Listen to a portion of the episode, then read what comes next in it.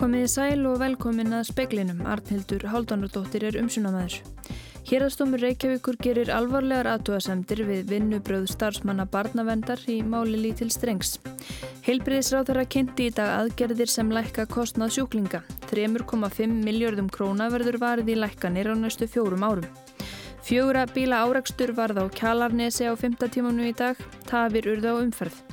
Að minnstakosti einn lést í skotárás á höfustöðvar leini þjónustu Rúslands í Moskvu í dag. Breska þingi kom í dag saman til fyrsta fundar eftir kostningarnar í síðustu viku. Byggðakvóta sem er eirnamertur flateri hefur verið útlutað fyrirtækjum sem ekki eru með starfsemi í plásinu. Ferðaveður er viða vond, gular viðvarinir í gildi og strætó hefur þurft að fella niður ferðir. Fárviðri sem gekk yfir landið í síðustu viku er ekki ekkert að tengja lostasbreytingum, segir veðfræðingur. Hérastómur Reykjavíkur gerir alvarlegar aðtóasemdir við vinnubröð starfsmanna barnavendar í máli Lítil Strengs sem tekin var af heimili sínu árið 2013 vegna grunns um að foreldrar hans hafi hristan. Fjölskyldunni voru dæmdar 8 miljónir í miskabætur í dag. Drengurinn lendi harkalega á nakkanum á heimili sínu þegar hann fjall aftur fyrir sig á stofugólfunni í byrjun júni 2013 og fóru fóreldrar með hann á bráðamótöku barna. Dægin eftir var máli tilkynnt til barnavendar Reykjavíkur og drengurinn vistaður utan heimilis í fjóra mánuði meðal annars á vist heimili barna.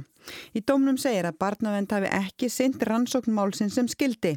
Ákvarðanir um hvenar fóreldrarnir fengi að fara heimið annan nýju og hvenar afskiptum barnavendara málinn er þið hægt hafi verið tilviljanakendar og ómarkvisar. Almennt var málsmeðferð hjá barnavend ógagsæ og virtist handahófskend þar sem raukstuðning skorti fyrir aðgerðing og breytingum á vistun barnsinn segir í domnum. Ebba Skram, borgarlögmaður, segir í samtal við fréttastofu að Reykjavíkuborg muni ekki tjásum dómin verið sé að fara yfir fórsendur hans og niðurstöður. Í framhaldinu verið tekin ákverðnum hvort honum verið áfríðað. Sigriður Dögg Auðunstóttir tók saman. Svandi Svavarstóttir heilbriðisráðura kynnti í dag aðgerðir sem lækka kostnað sjúklinga. Alls verður 3,5 miljardum króna varði lækkanir á næstu fjórum árum. 1,1 miljardur fyrir lækkanir á næsta ári. Komugjöld á heilsugjastlu verða lækkuð í áfungum og feld niður á fullu árið 2021. Þá fá lungnasjúklingar og sikursjúkir ný hjálpartæki. Það sem að kannski stendur upp úr og er, er mikilvægast í þessu, þessari umferð er það að við erum að draga úr uh, greiðslum fyrir heilsugjastluna sem að við lækkum úr 1200 kallega per skipti núnum áramótin niður í 700 og, og stefnum að því uh, síðan í næsta skrefi að lækka niður í e, gjaldfrjálsa hilsugjæslu. Þá verða tannlækningar til aldraðra og öryrkja meira niðugreitar en áður. Ferðarkostnaður sjúklinga og fyldarmanna kvenna í fæðingu verður niðugreitur. Getnaðvarnir fyrir konur yngre en 20 ára verða niðugreitar og þeir sem þjást af sigur síki eitt fá ný hjálpartæki. Þá verður fjárfest í súrefnissíum fyrir lúnasjúklinga. Og það er alltaf betra samfélag sem eigur lífskeiði, alveg saman hvernig við förum að því en með því líka að, að hliðra til í heilbyrðstjónustunni og ebla heilsugjastluna að þá erum við að létta á öðrum stegum þjónustunar og það er ódýrara að sinna uh, einföldum sjúkdómum í heilsugjastlunni heldur en að gera það á háskólasjúkrási þannig að já, ég er algjörlega samfarið um það að með þessu erum við að, að spara í kerfinni heilt. Þetta saði Svandís Svavarsdóttir, Marja Sigrún Hilmarsdóttir rætti við hana. Fjórabíla áreikstur varð á Kjalarnesi á 5. tímanum. Einn kona var flutt á Slisadeild. Áreiksturinn var við afleggjarana þjóðveginum inn í grundarkverfi. Það er mjög kvast, 20 metrar á sekundu, meðalvindur og vind kviður allt upp í 26 metrar á sekundu. Tveir sjúkrabílar, tveir bílar frá slökkulegin og þrýr lauruglubílar voru sendir á vettvang þar sem upplýsingar um slisið voru óljósar. Samkvæmt upplýsingum fréttastofu var þó dreyið úr viðbúnaði eftir að fyrstu menn kom á staðinn þar sem slisið reyndist ekki jafn alvarlegt og ótast var í fyrstu. Laung bílaruð myndaðist vegna slissins og var fólk beðum að sína beðlund. Eva Björg Benediktsdóttir fréttamaður er á Kjalarnesi. Eva, eru enn tafir á umferð? Já, það er búið að greiðast úr þessu núna. Um, þegar við komum hérna fyrir kannski 50 mínútum, þá voru langa raðir í báðar áttir. En þá vor, var verið að fjallæga bíl af öðrum vegarhelmingnum. Þannig að þá gáttir fyrir að hleypa í báðar áttir. Og núna eru bara nánast ynga raði. Það er svona aðeins. Sýndi fólk þessu skilning? Var það þólinnmótt? Já, ég sá ekki annað. Það bara umferð gekk hægt og, en, en þeir voru mjög fljóttir að vinna hérna á vettvangi og, og finna braka veginum. Takk fyrir þetta Eva. Að minnstakosti einn lést og annar særðist í skotárás á höfustöðvar leinithjónustur Úslands FSB í Moskvu í dag. Maður vopnaður Vjelbissu hóf skotrið í andri höfustöðvana. Rúsneskir fjölmilar segja að þrýr leinithjónustumenn hafi fallið. Myndskeið sem byrst hafa á samfélagsmiðlum sína vopnaða menn á hlaupum burt frá höfustöðunum og skotrið heyrist.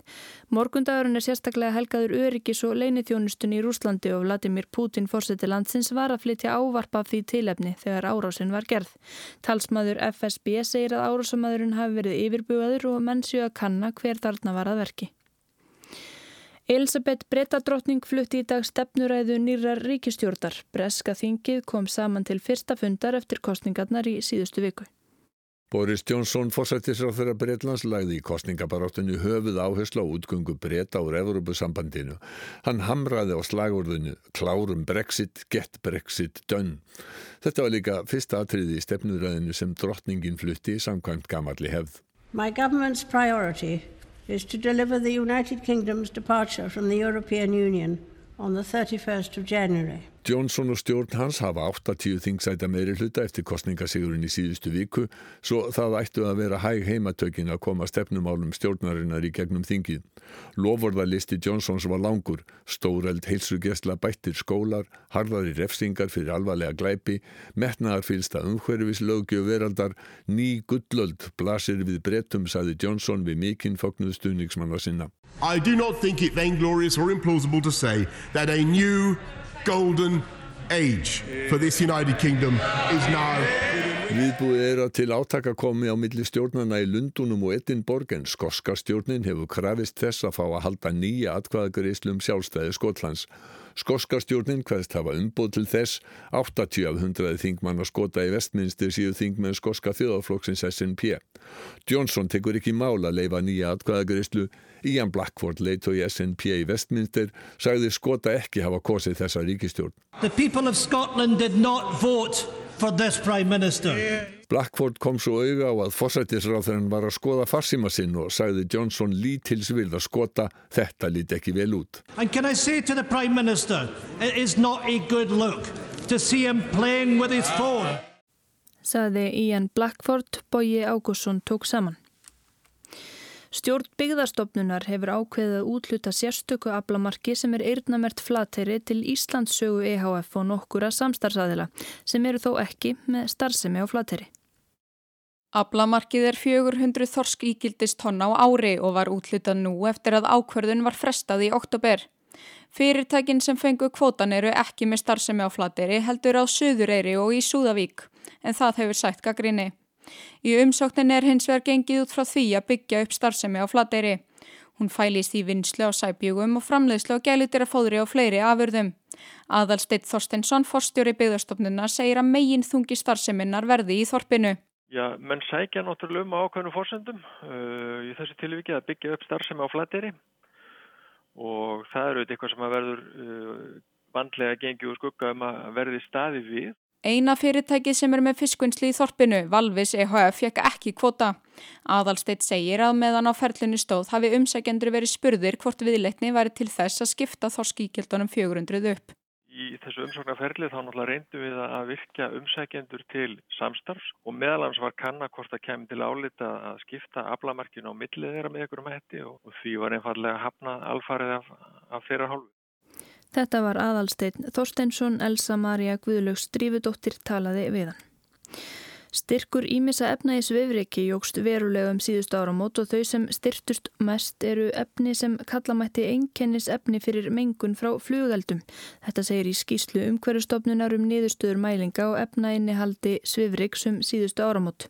Þá kemur fram að rík með þessa efnasamsetningu verði að teljast varasamt. Stór hluti þessi mjög fítn og mengunar álagið vegna brennistinsum áramótin jafngildi álagi á heilum mánuði. Stofnunin kvetur til hófsemi í í nótkun flugvelda. Og veðrið ferðaveðrið er víða slæmt, gular viðvarnir eru gildi vegna hríðar og skafrennings á norður, austur og suðusturlandi, norðaustan kvassviðri eða stormur og alltaf 25 metrar á sekundu. Það er vetrarfærði í öllum landslutum og strætó hefur þetta fella niður ferðir. Öksnadals heiði hefur í loka tímabundi vegna fluttningabils sem þverar veginn. Sankat upplýsingum frá vegagerðinni verður heiðin opnuð fljótlega. Þar er þó þungfært og aðeins hægt að fara á velbúnum bílum. Flughált er á Krísuvíkurvegi, Krísuvíkurvegi, vegurunum Klettsháls er ófær, Siglufjörðarvegi hefur loka vegna veðus og búið er að loka veginum um Örafasveit. Þessir vegir verða ekki opnaðar fyrir ná morgun og sama máli gegnir um fjörðarheiði. Samkvæmt upplýsingum frá vegagerðinni er snældu vittlust veður á milli eigilstað og akurirar og ferðaveðrið á Norðurlandi ekki gott. Horfutnar fyrir morgundagin eru betri. Formaður Sam Eikis segir að ef ekkert gangi í kjara viðræðum fljótlega eftir áramót muni félagsmenn hefja undirbúning aðgerða sem gætu endað með verkföllum. Viðræður við ofinbera starfsmenn hafa staðið yfir í nýju mánuði og ljósta þær munu dragast fram á næsta ár. Samhangandi kjara viðræður hinn eimsu félaga hafa nú staðið yfir í rúmt ár. Viðræður á almennamarkaðanum hófust á haustugum í fyrra. Þeim laug reyndar eftir talsverð átöku með svo kalluðum lífskjærasamningi 3. apríl á þessu ári.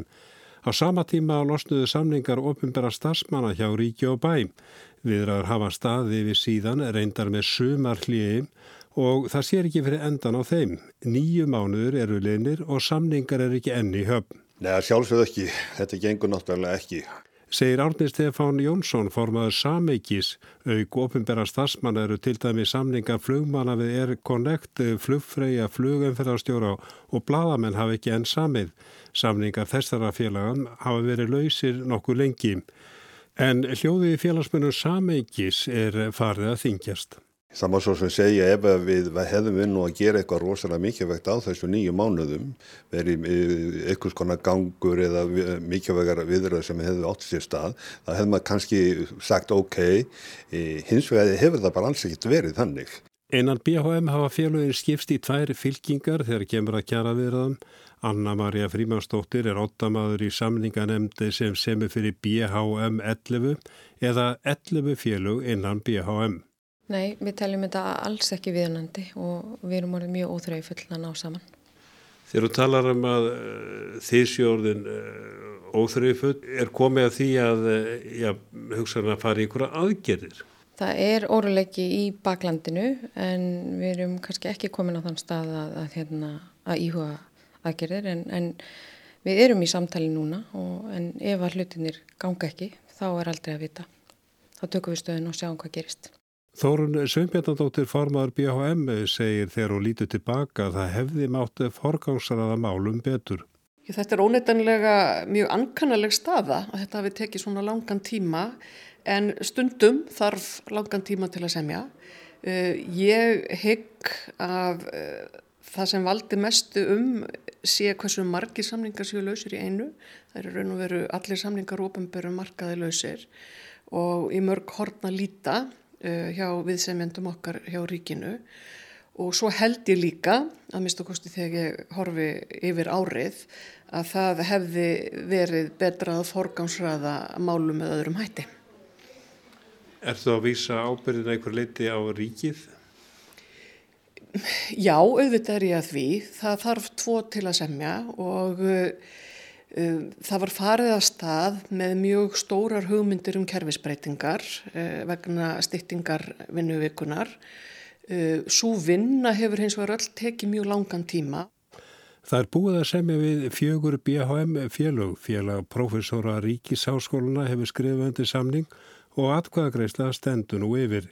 Þegar líkja samningar á borðinu um styttingu vinnuvikunar meðal dagvinnufólks, hins verð á eftir að semja með fjölmörg önnur mál hjá þeim félögum sem eru enni við samningaborðið.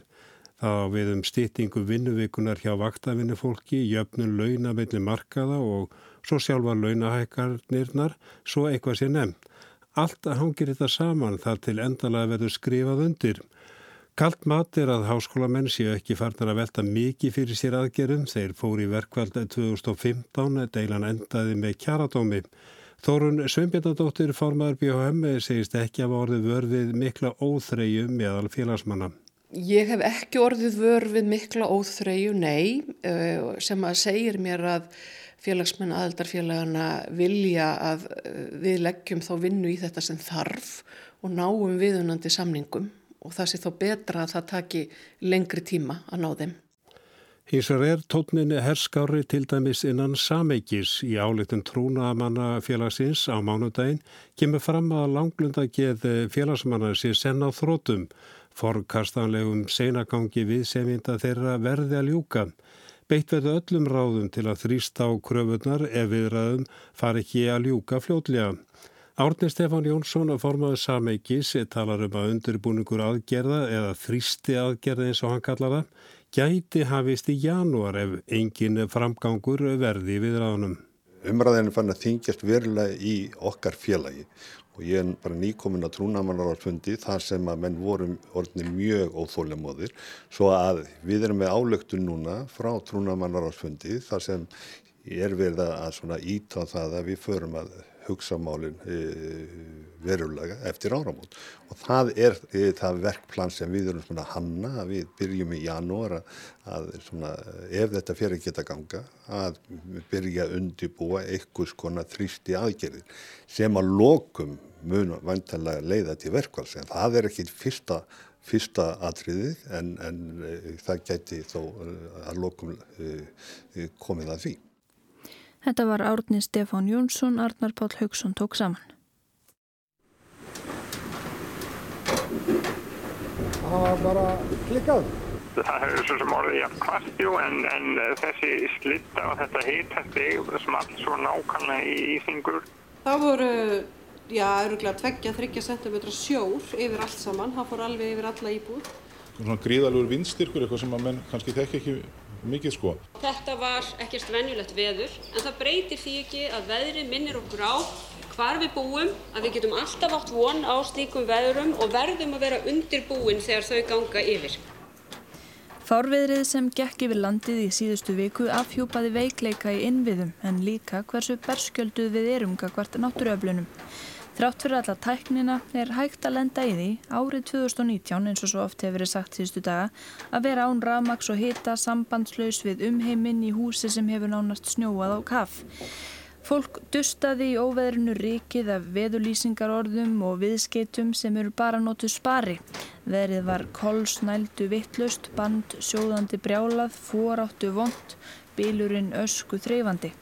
Síðustu daga hefur svo verið talað um fordæmalauðst rafmaksleysi og fordæmalauðsan hrossadauða. En var veðrið sjálft fordæmalauðst og má að einhverju leiti rekja það til loftslagsbreytinga? Elin Björk Jónusdóttir veðfræðingur, loftslagsbreytingar eru saðar hafi förminn sér auknar augar í veðfari og veðrið sem að gekk yfir landið í síðustu viku það var auga fullt íttu lofslagsbreytingar undir ofsan í veðrunu með einhverjum hætti? Nei, það er ekki hægt að segja það.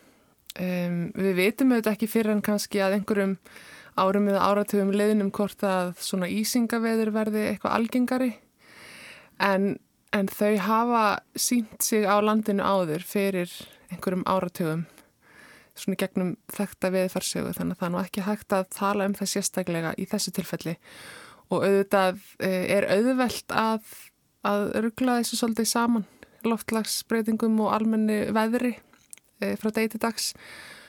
En svona eitt svona skot þó það sé vissulega aukafyllt það e, er ekki endilega hægt að tengja það. Og við tengjum þetta skot sérstaklega ekki við loftlagsbreytingar En tjónið sem að hlust af veðrinu, við sáum til dæmis sjóin ganga á landa á borgarfyrði Istri, er þetta tengja það loftlagsbreytingum? Eh, nú er ekki vissum nákvæmlega hvað sem mikil uh, hækkun hefur orðið að sjá á borði og það eru þetta uh, tengt loftaspreytingum en hún er nú á einhverjum sko bylun einhverjum millimetrar til kannski sentimetrar og mér finnst ólíklegt að sjór sem að gang, gang, gengur yfir varnagarða hann sé allt í einn orði næla hár til þess að ganga yfir. Ég hugsa að breymi það voru þetta spá 10 til 11 metra ölduhæð þarna bara út af veðrinu og ég hugsa að það hafi haft miklu meira með þetta að gera heldur en, heldur en hækkun sjáar yfirbúrs. Þannig að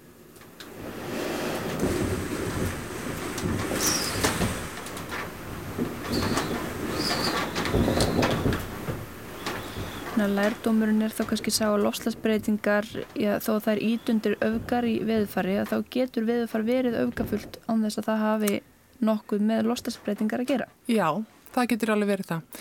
Uh, veðufarsbreytingar og hlínun skilur eftir sig auka orku í lofthjúpnum sem getur alveg orðið til þess að svona veður gerist oftar en við getum ekki staðfest með einu móti að þetta veður hefði ekki komið til ef það hefði ekki verið komið þessi hlínun uh, í gang og við getum heldur ekki staðfest að það hefði orðið eins ef það hefði ekki verið fyrir hlínun. Þetta er þannig atbyrður sem tekur skaman tíma og, og sagt, á sér í raun og veru eðlileg upptök að það er ekki eftir að tengja þetta viður uh, loftasbreyndingum. En er þetta að segja að þetta viður hafi verið fordæma laust? Það var mjög óvinnilegt. Það er mjög erfitt að tala um fordæmalust vegna þess að tjónæmið í samfélaginu er allt öðruvísi núna en það var fyrir 20 árum og 40 árum og 100 árum. Þannig við eigum miklu meira dóti.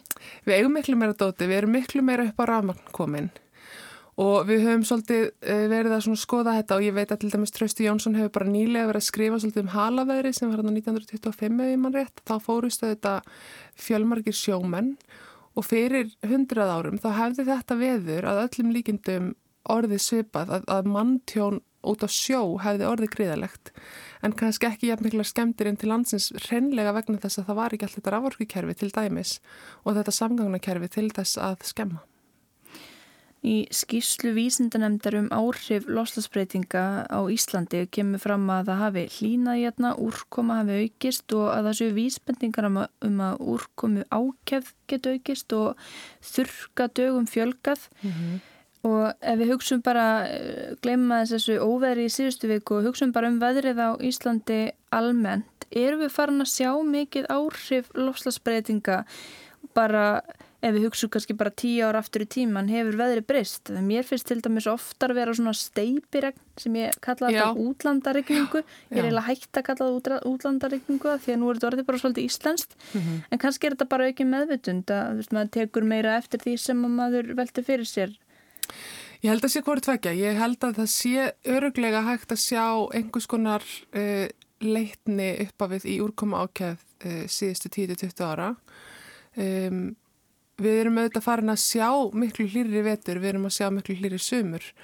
Uh, og það hefur verið á skup svipu þróunin hér á landi að, að, síðu, að hlýjustu ár frá upphafi mælinga eru mörg hver á síðustu áratugum. Þannig að það er náttúrulega það sem við erum að horfa á að við erum að horfa á svona langtíma um, langtíma meðaltöl og langtíma leitni við erum ekki að skoða eitt ár fyrir sig eða eitt landsfjörðum fyrir sig þegar við tölum um breytingar uh, af völdum loftlags áhrifa eða loftasbreytinga Eitt sem er ekki nefnt í þessari skýrslu um, um áhrif eh, loslasbreytinga og hugsanlega áhrif þeirra, það er vindur, að það verði svona sterkari vindar.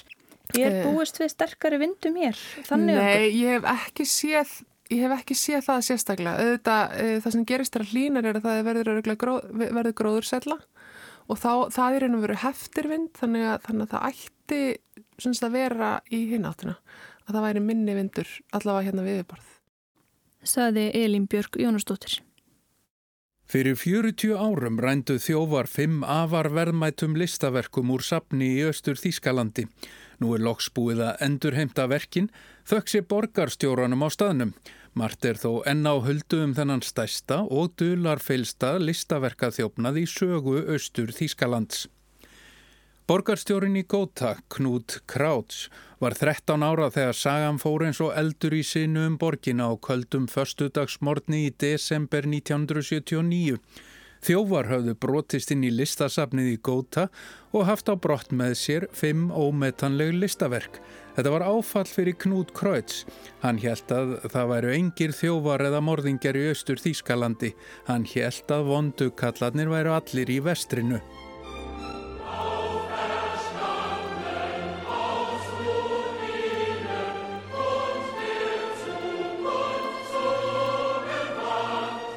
Knút Krauts er búin að vera borgarstjóri í Góta frá 2006 og á dögunum rættist 40 ára gamall draumur Hann hefur loksins fengið stólnum myndirnar í hendurnar.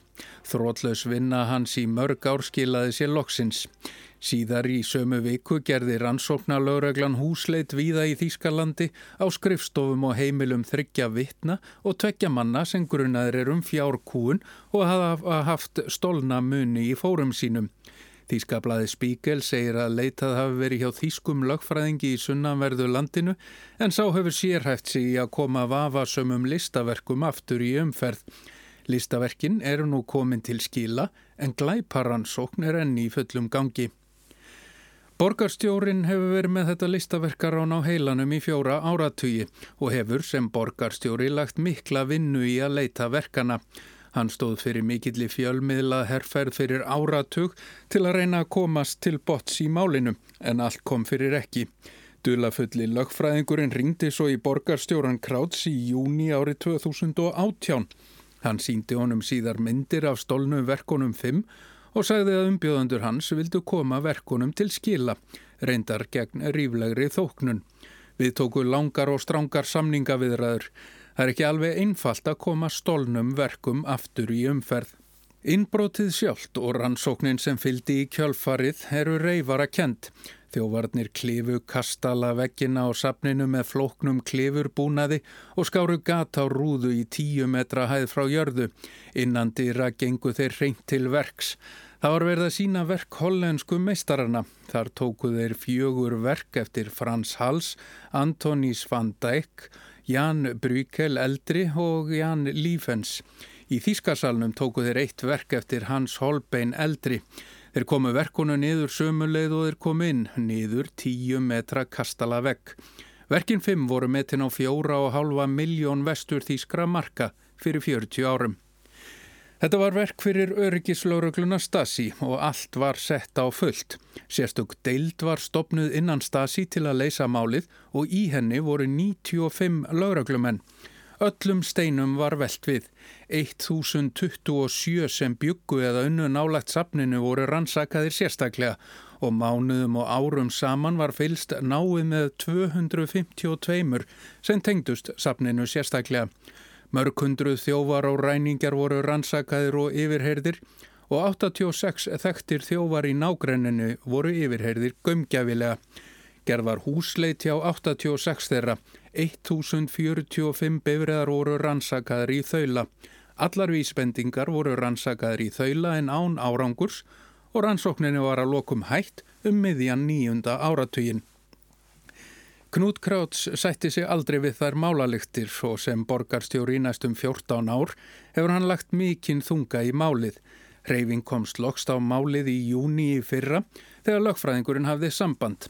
Átján mánaða samninga viðræður lögmannsins og borgarstjórans eru efni í pisla röð. Flækjustíð var gríðalegt. Umbjóðandur lögmannsins vildu ekkert gefa upp um hvernig verkin komust í þeirra hendur eða yfir höfuð hverjir þeir væru. Borgarstjórin gæti ekki ráðfært sig við neitt til að fæla engan frá. Seljendur vildu fullt af peningum en borgarstjórin gæti ekkert borgað. Samtök sem styrkja endurheimt glatara verka voru í flókinu stöðu. Í raun var þetta allt saman ólöglegt að svo mörguleiti að eilan var þetta algjörlega vonlaust. En til að gera mjög langa og flokna sögustutta tókust samningar á endanum. Borgarstjórin samþykti að borga 5,25 miljónir evra eða 720 miljónir króna án þess að vita almennilega hvernig það er því gert. Láreglan var komin í málið og fyldist grant með þegar verkin voru afhengt. Maðurinn sem kom með þau var krafinn Sagna og ságaf upp reyfarakenda sögu. Þar áttu að koma við sögu stríðsfangar í Rúslandi, flóttamenn og góðmennska sem endaðu því að verkin enduði í höndum fjölskyldum mannsins sem erði þau á samt sískinum sínum við andlát föðurins. Ekkert af þessari frásög stóðst neina skoðun, ekki sér fyrir endan á rannsók málsins og borgarstjórin Knút Krauts er reyndar ekki bjart síðan á að fá nokkuð tíman botni hvað það var sem gerðist þessa örlagaríku desember nótt fyrir 40 árum en verkin eru loks komin aftur til síns heima. Pálmi Jónasson saði frá. Það var meðal efnis í speklinum að heilbreyðisraður að kynnti í dag aðgerðir sem lækka kostnað sjúklinga. 3,5 miljardum króna verður varið í lækkanir á næstu fjórum árum. Hérastómur Reykjavíkur gerir alvarlegar aðtóðasemdir við vinnubröð starfsmanna barnavendar í máli lítil strengs. Að minnstakosti eitt lést í skotárás á höfustóðvar leinu þjónustur Úslands í Moskvu í dag. Ferðaveður er viða vond, gular viðvarnir í gildi og stræt og hefur þurft að fella niður ferðir og horfurnar hvers norðaustanátt með ofankomi austan og norðanlands hiti breytist lítið. Tæknumæður í speklinum í kvöldu var Magnús Þorsteit Magnússon, veriði sæl.